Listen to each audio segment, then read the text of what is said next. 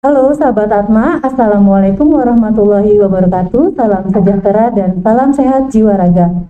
Bertemu kembali dengan saya, uh, Farika, Prakata Humas Rumah Sakit Jiwa Daerah Atma Usada Mahakam, yang hari ini akan memandu sahabat Atma semua bicara tentang kesehatan jiwa bersama Atma Usada dalam program Otista, obrolan tips dan isu kesehatan mental uh, yang tentunya disiarkan secara langsung melalui IGTV Rumah Sakit Jiwa Daerah Atma Usada Mahakam at rsjd.ahm. Nah selain itu, sahabat Atma juga dapat mendengarkan kembali pembahasan ini melalui Anchor by Spotify dengan kata kunci Otista Podcast. Sebelumnya, kami ucapkan terima kasih untuk sahabat Atma semua yang telah join IG Live hari ini. Dan seperti biasa, jika sahabat ada pertanyaan terkait pembahasan kita hari ini, silakan menuliskan pertanyaan di kolom komentar. Kami juga mengingatkan kepada sahabat Atma semua agar tetap patuhi protokol kesehatan. Ingat, jangan kendor ya sahabat Atma ya, karena pandemi ini belum berakhir. Nah, tema kita pada hari ini adalah Promkes 4.0, kesehatan jiwa masyarakat di era digital. Dan di samping saya sudah ada narasumber kita nih yang Cantik sekali hari pagi ini. Ada Ibu Lorencia Eni, PL, SPDM ke Kepala Keswamas di Rumah Sakit Jiwa Daerah Atmausada Mahakam. Halo Ibu, apa kabar? Baik, luar sehat, biasa. Bu. Oh. Amin, sehat luar biasa. Amin. Nah, uh, Bu Loren dan juga uh, sahabat Atma semua, promosi kesehatan adalah bagian yang tidak terpisahkan ya Bu ya dari perluasan informasi di bidang kesehatan. Dulu biasanya nih kita ya Bu ya yang di bagian promosi kesehatan atau humas juga uh, mengetahui bahwa informasi itu menggunakan uh, media-media cetak seperti pamflet yeah. yang supaya terlihat orang tapi kan sekarang teknologi ini sudah uh, berubah ya transformasi digital segala macam itu dan revolusi industri 4.0 ini membuat uh, transformasi digital berjalan begitu cepat ya Bu. Nah pergeseran tersebut menuntut kemampuan kemampuan dan uh, kemauan belajar sepanjang waktu bagi uh, kami para petugas kesehatan uh, agar mampu berinovasi dan melakukan promosi kesehatan di era digital ini. Nah, uh, kita sebelum lebih jauh ya dengan Ibu Loren berbincang-bincang, uh, kita bicara dulu apa sih Bu Keswamas? Keswamas. sebelumnya perkenalkan ya, saya Loren, tadi sudah dikenalkan oleh Mbak Farika. Terima kasih Mbak Farika sudah memberikan informasi uh, untuk sahabat Atma yang setia menunggu. Selamat pagi, salam sehat jiwa dan raga. Oke Mbak Farika tadi dikatakan apa itu Keswamas ya. Keswamas itu kepanjangan dari kesehatan jiwa masyarakat. Iya. Nah itu memang sudah lama Mbak uh, Farika. Uh, memang untuk sekarang lebih trennya itu terkenal dengan nama promosi kesehatan rumah sakit atau PKRS ya. Jadi uh, rumah sakit Atma Husada terkhususnya ini memang sudah ada dan hmm. kami sudah terbentuk dari zaman rumah sakit jiwa ini ada hmm. ya, sekitar tahun 65an sudah ada Keswamas. Uh, lebih populernya di populer. dengan uh, Promkes ya. Promkes. Nah, ini kurang lebih 10 10 tahun ini hmm. uh, karena terjadinya apa perubahan-perubahan uh, artinya ilmu kemajuan ya iya. seperti yang sekarang akan dibahas masalah kita iya. Mbak Farida. Oke, okay, uh, Bu, selama ini apa saja sih Bu kegiatan-kegiatan yang sudah dilakukan uh, tim Keswamas atau Prokesnya Rumah Sakit Jiwa nih sebelum era digital kita ini dalam berpromosi itu apa aja Bu? Oke terima kasih. Jadi uh, sahabat setia Atma Husada mungkin ini sedikit informasi ya bahwa selama ini Rumah Sakit Jiwa itu adalah rumah sakit satu-satunya di Kalimantan Timur. Iya. Nah, Keswamas itu salah satu juga tombak apa? Uh, tombak ukuran keberhasilan daripada suatu pelayanan kesehatan. Hmm. Nah, Nah, kenapa? Kesehatan jiwa masyarakat itu sangat penting sekali karena semua sumbernya dari masyarakat ya. Nah, cuma apa yang dibahas itu adalah mengenai masalah kesehatan jiwa. jiwa. Jadi kesehatan jiwa di sini bukan saja orang yang mengalami gangguan jiwa, tetapi yang berhubungan dengan kesehatan jiwa. Nah, itu banyak sekali yang menyangkut di kesehatan jiwa, Mbak Pak. Hmm. Ya. Salah satunya biasanya yang menyangkut di Keswamas itu kita biasanya dari tenaga kesehatan itu selalu menilainya bahwa uh, penyakit ini uh, gangguan jiwa atau kesehatan jiwa itu uh, bukan hanya suatu penyakit ya uh, hmm. yang harus ditutupin karena stigma orang iya. orang ini kan gimana ya dengan ya, dari jiwa. dulu kan kalau orang ngomong jiwa itu langsung kayak eh maaf ya sekarang banyak orang mengatakan gila gitu nah. sementara kita di sini sekarang ya Bu sudah oh. tidak boleh menggunakan kata jiwa ya. tapi uh, ODGJ untuk orang-orang yang memang ada dengan gangguan jiwa ya ya karena semua penyakit sama Mbak Farika ya jadi uh, memang terkadang masyarakat masih awam untuk iya. sakit jiwa, terlalu menggunakan kata gila. Iya, nah, itu sebenarnya tidak diingat, wajar. Iya. Tetapi mereka juga manusia, punya harkat, punya martabat ya. Dia juga iya, punya suatu penghargaan harga diri yang juga harus diangkat martabatnya. Makanya dalam kesehatan jiwa dikenal dengan ODGJ Mbak Farika, iya. Orang dengan gangguan jiwa. Nah tadi dikatakan apa saja kegiatan yang ada di Keswamas, khususnya di rumah sakit kita ya. Iya betul. Nah, kita di sini melakukan ada empat program Mbak Farika, ya salah satunya adalah integrasi, ya integrasi, home visit, dropping dan penyuluhan. Nah, apa itu integrasi? Nah, integrasi di zaman-zaman di belakang ya, sebelum saat ini, karena kan rumah sakit sudah mulai dengan kemajuan pelayanan yang luar biasa hmm. ya, sumber daya manusianya sudah banyak yeah. dan sudah kompeten ya.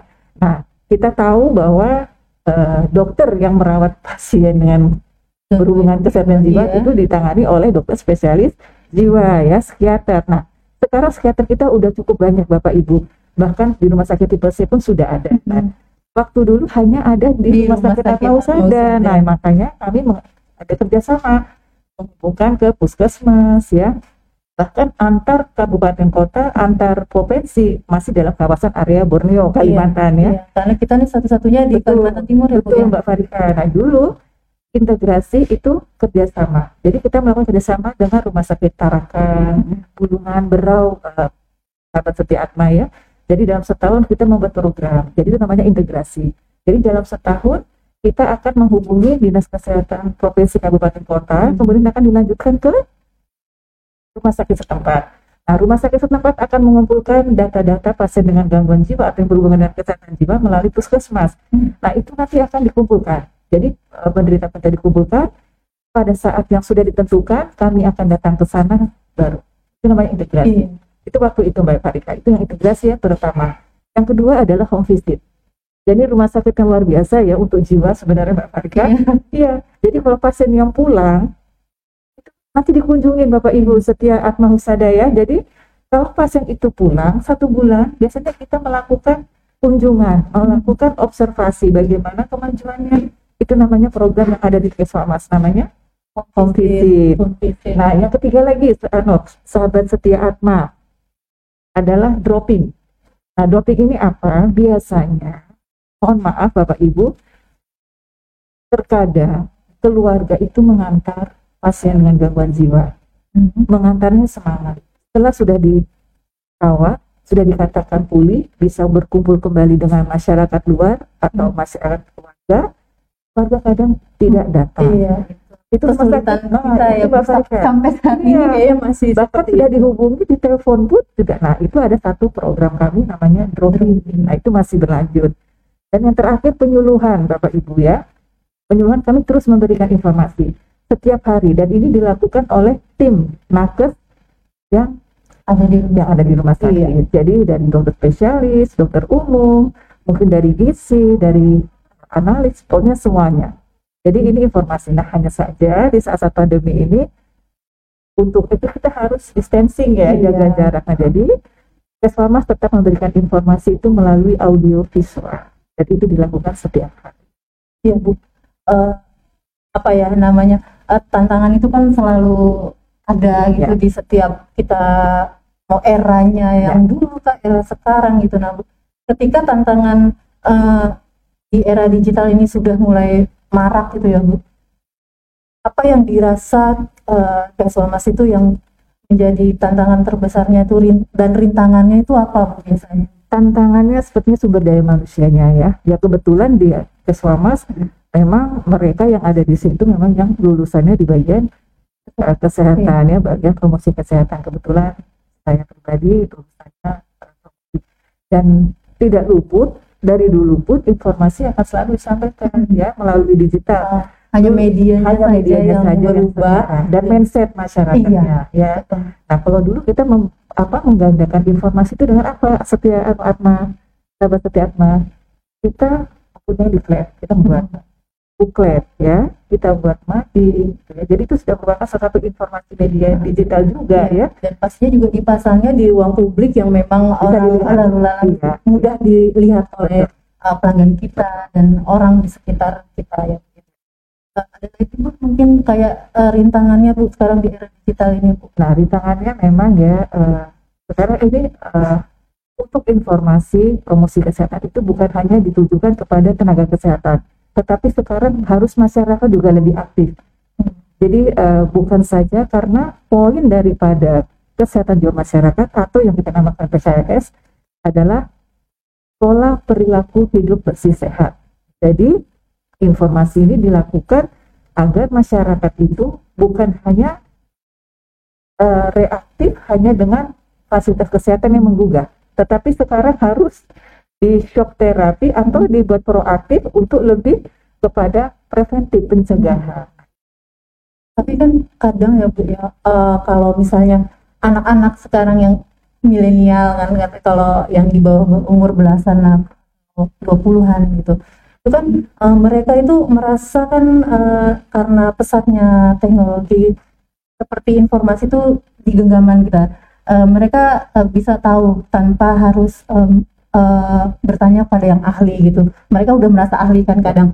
Itu kan kadang banyak uh, informasi yang mereka dapat. Itu juga belum tentu benar gitu kan. Berarti kan itu jadi tantangan buat kita juga di sini untuk uh, memberikan informasi yang benar seperti misalnya mungkin belakangan ya Bu ada uh, bukan hoax sih se seperti mungkin bercandaan gitu bercandaan uh, yang mengatakan kalau orang gila tidak bisa kena covid gitu kan Bu itu kan. Uh, sesuatu yang mungkin tapi ada di di level tertentu usia tertentu itu kan menganggap itu serius gitu kan. Jadinya kayak bukan bercandaan lagi dan uh, itu kan berarti kita juga harus menginformasikan itu juga dengan dengan cepat untuk supaya orang tidak salah persepsi seperti itu ya bu ya.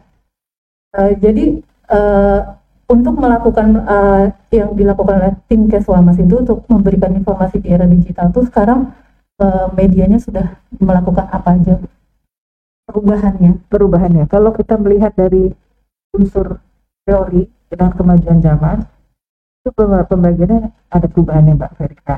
Tetapi ujungnya sama saja untuk perubahan perilaku.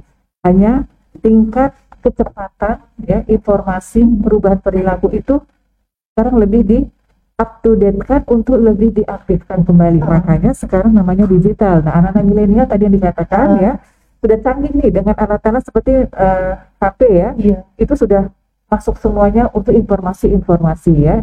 Nah, hanya saja kita itu uh, sebagai tenaga kesehatan juga uh, bukan hanya ini sebagai satu keringanan untuk kita hmm. memberikan informasi, tetapi kita harus juga lebih peka karena sekarang sistem masyarakat sudah mulai aktif ya dari tadinya yang hanya mendengarkan, yang hanya kalau sakit dia ke rumah sakit, rumah sakit. mendapat informasi dari rumah sakit atau tenaga kesehatan yang ada ya tapi sekarang masyarakat sudah mulai aktif. Hmm. Nah, dengan adanya perubahan digital ini, yang 4.0 ini ya, itu artinya revolusi industri. Revolusi industri itu bukan saja hanya pabrik ya, yeah. itu kita bukan. Jadi pabriknya banyak, se, uh, peng, apa, sahabat sehat, maaf, maaf ya. Jadi pabrik itu bisa pabrik pendidikan, hmm. kesehatan, yeah. keuangan, administrasi, dan itu banyak sekali. Nah, yang sekarang kita bahas adalah mengenai kesehatan. kesehatan. Jadi kita harus memberikan apa ya cara-cara yang mem untuk mempromosikan kesehatan itu harus lebih uh, lebih apa sensitif iya. karena terkadang informasi yang disampaikan itu bisa hoax ya iya. karena makin banyaknya iya. yang sampai orang berita. Bisa cari, melibatkan cari tahu cari tahu. banyak banyak di apa melalui gadget ya bu ya. gadget ya. ya itu belum tentu benar juga. Belum tentu benar. Nah makanya adanya sistem digital ini itu lebih cepat. Artinya kalau ada isu atau hoax itu langsung kita ya.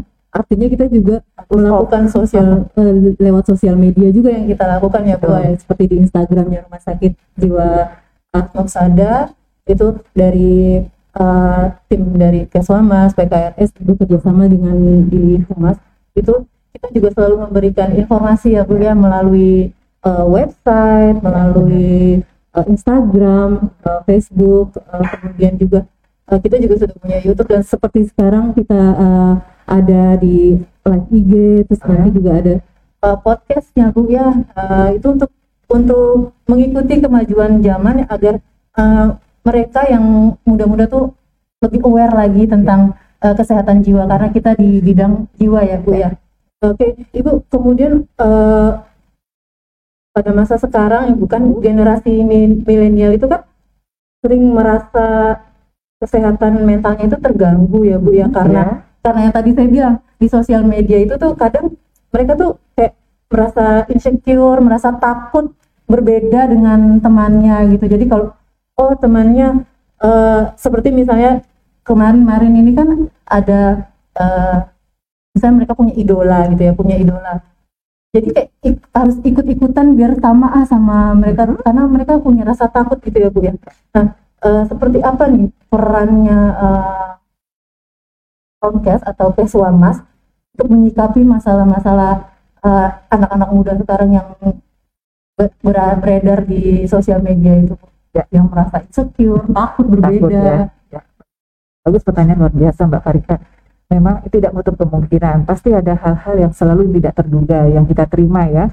Karena anak-anak milenial sekarang Bapak Ibu udah luar biasa canggih ya. Hmm. Kita yang walaupun punya media HP yang luar biasa tetapi tidak, nah, kita kan kita tidak bisa mengaplikasikan ini aplikasi apa sih gimana tapi anak milenial itu lebih lebih cepat lebih tangkap nah yang menjadi masalah artinya yang uh, tidak mampu. Tidak mampu ini artinya bukan tidak mampu secara ekonomis tetapi tidak mampu untuk menggunakan uh, ini apa namanya perasaan mereka ilmu uh, maksudnya supaya uh, gimana supaya mereka tuh yang merasa insecure kita kita memberikan informasi kesehatan jiwanya tuh seperti apa bu kepada mereka? Itu lebih aman begitu hmm, maksudnya supaya dia merasa nyaman ya. Hmm. perlunya ada pendampingan. Ya jadi karena sekarang mohon maaf kembali lagi karena dunia internet ini kan dunia bebas ya bebas dan apa pun bisa masuk ya dari mana pun bisa masuk nah sebagai orang tua sebagai kita tenaga kesehatan khususnya di bagian promosi kesehatan kita perlu adanya pendampingan dan perlu memonitor terus menerus apa-apa yang menjadi informasi-informasi kesehatan yang saat ini sedang beredar. Nah itu jadi perlunya uh, digital ini reaktif, reaktif ya. Artinya begini, informasi yang tadinya yang mau kita sampaikan ke masyarakat, hmm. ya, hanya minimal aja ya. Hmm. Sebelumnya itu melakukan proses Pak ya. kita membuat kata medianya, dan itu hanya di dalam satu tempat orang datang baru bisa melihat informasi. Tetapi kan sekarang tidak. Iya. Nah itu namanya di dalam digital digital sekarang yang 4O itu adanya pergeseran perubahan paradigma. Yang tadinya masyarakatnya itu tidak aktif, hmm. hanya kalau sakit hmm. ke rumah sakit dapat obat selesai. Hmm. Yang kedua dia sakit mendapatkan informasi selesai. Dan itu hanya ditujukan kepada satu individu ya.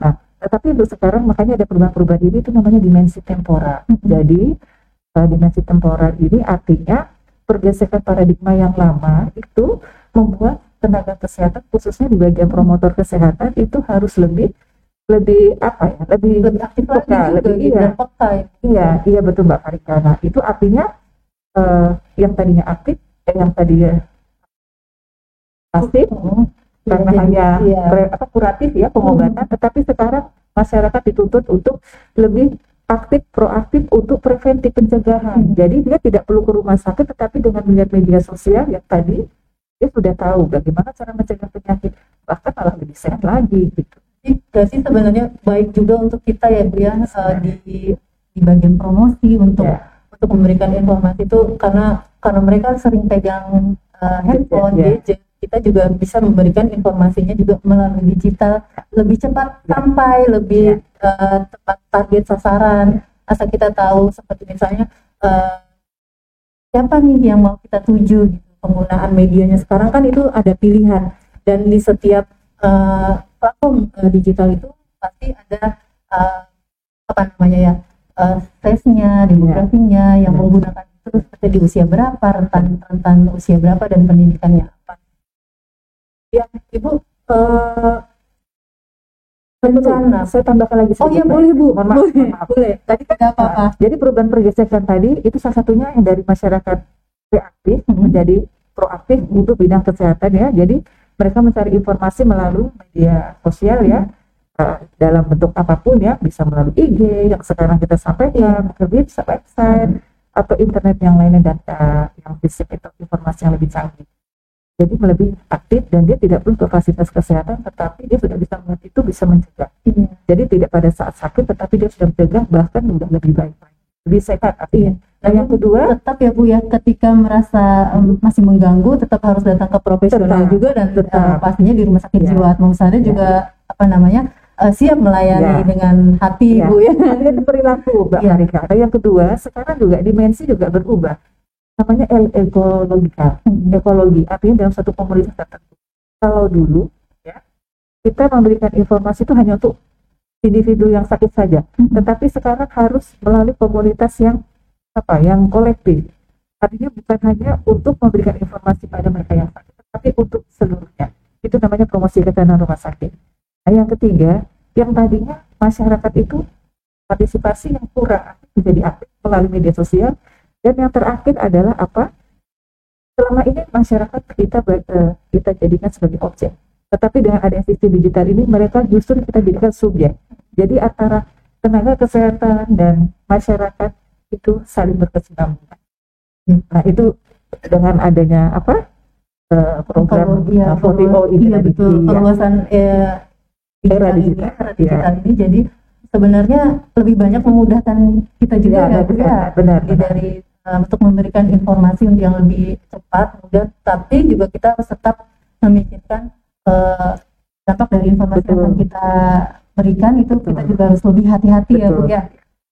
Supaya iya tidak tidak menyebarkan yang hoax hoax dan benar kita juga kadang-kadang kalau misalnya ada hoax juga kita lebih cepat untuk Ya. eh, menangkalnya juga Ya. karena sama-sama kalau misalkan melalui sosial media ya kita balasnya juga dengan sosial Iya, media juga karena sekarang cepat. Marika kan ada informasi dalam waktu sesaat aja Iya. sedetik viral Iya. nah itu jadi kita juga harus punya peka makanya tenaga kesehatan khususnya pasti eh, bagian promosi kesehatan harus terus-terus belajar belajar dan belajar agar adaptasi ini Iya. tidak kaget gitu Iya. jadi dia ya karena sudah teradaptasi artinya itu tidak jadi suatu batu sandungan tetapi oh lebih Iya, intinya Nah. sih eh, untuk yang di bagian-bagian seperti untuk pemberian informasi harus tetap belajar ya Bu ya.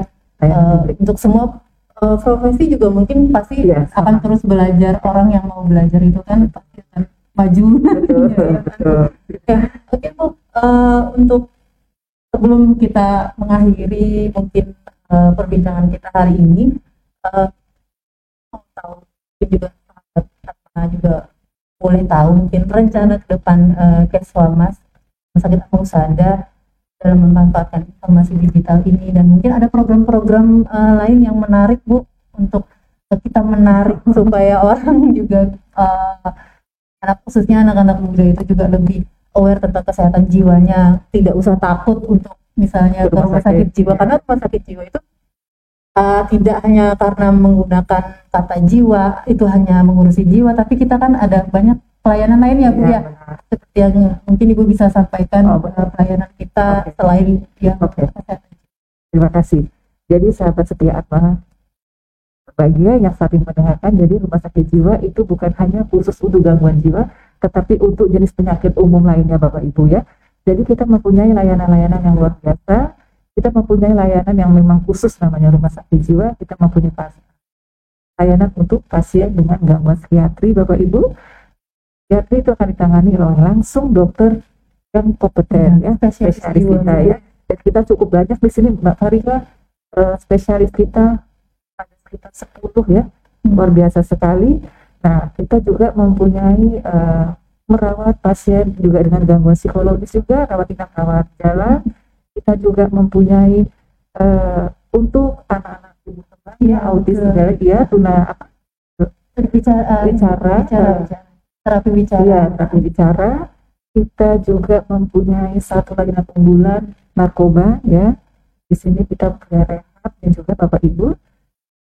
Terus kita juga mempunyai uh, fisioterapi, kita mempunyai uh, apotik yang luar biasa tentang obat jiwa dan semua ada di rumah sakit jiwa Atma Husada.